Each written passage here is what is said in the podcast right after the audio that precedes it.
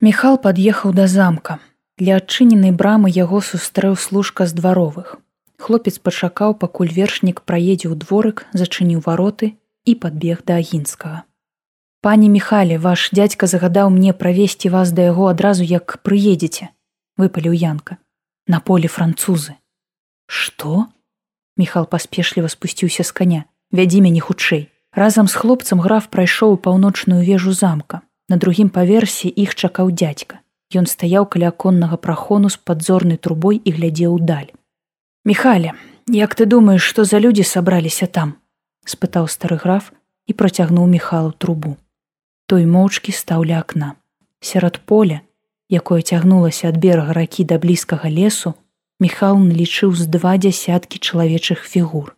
Некаторыя з іх стаялі на месцы, іншыя павольна перасоўваліся сярод плямаў нерасталага снегу. Михал прыгледзеўся. Усе людзі на полі былі апранутыя ў форму французскіх жаўнераў. Французы! Міхал не веру сваім вачам. Падобна на тое, спакойна прамовіў дядзька. Брат Крыштоф якраз расказваў мне нейкую лухту пра паўсталых мёртвых французаў. І пляменнік апавёў дзядзьку тое, што сказаў яму плябан. Цікава, прамовіў стары граф, даслухаўшы аповед.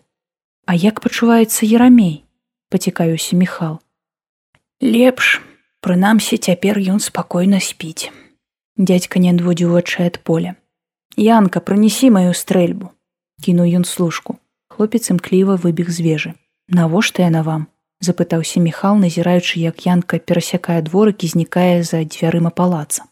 Хачу праверыць адну рэч загадкава адказаў дядька праз хвіліну служка вярнуўся. Стрэльба вайсковага ўзору была даўжынёй амаль у рост хлопца. Набіў спытаў гаспадар. Не цяжка ўздыхнуў янка.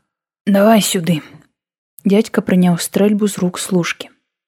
Патрон хлопец дастаў з кішэні папяровы скрутак з порахам. Стары граф спрытна працуючы шомпалам заштурхаў набой у рулю было бачна што гаспадар дасведчаны ў гэтай справе набіўшы ружжо дядька хвацка ударыў прыкладам аб падлогу і ўскінуў стрэльбу да пляча А калі яны пачнуць страляць у адказ, спытаўся Михал, які з цікавасцю назіраў за дзядзькавымі рухамі. Ты бачыў у іх зброю? Стары граф прасунуў рулю ў акно.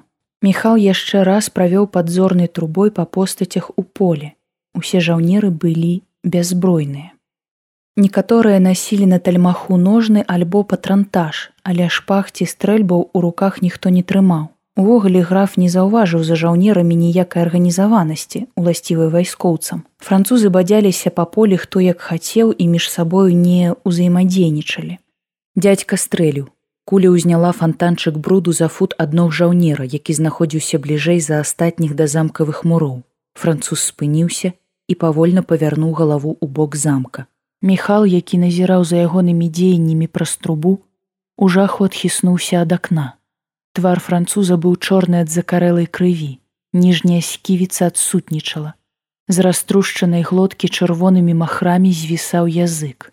Ён не можа быць жывы, прамовіў агінскі. Плябан казаў праўду. Так, адказаў дядька, праўду. Я сам не адразу паверыў, але з фактам не паспрачаешся. Стары граф абапёрся на стрэльбу і працягнуў. Гэта шыдлоўскі з яго недаверам да ўсяго няўцямнага будзе доўга адбівацца ад праўды. А я слухаў плёткі і наусматаў. Вось янка. Дядька кінуў у бок мальца. Расказаў мне пра свае лясныя прыгоды, пра адарваную заечую лапу і пра цені сярод дрэваў. Міхал таксама ўзгадаў тое пачуццё трывогі, што выклікаў у яго лес. Потым пайшлі чуткі з маладэчна. Казалі, што людзі, якія хадзілі ў лес па дровы ці па дзічыну не вярталіся.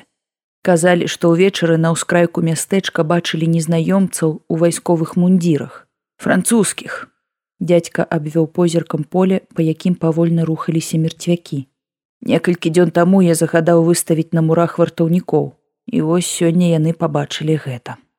Што за поскуць? Злосна выпаліў Михал. Мала нам было разбораў вайны заняпаду, ды яшчэ гэтая навала дадалася. Бедны наш край. Край бедны але сыны яго моцныя. Стары граф паклаў руку на плячо михала мы адужаем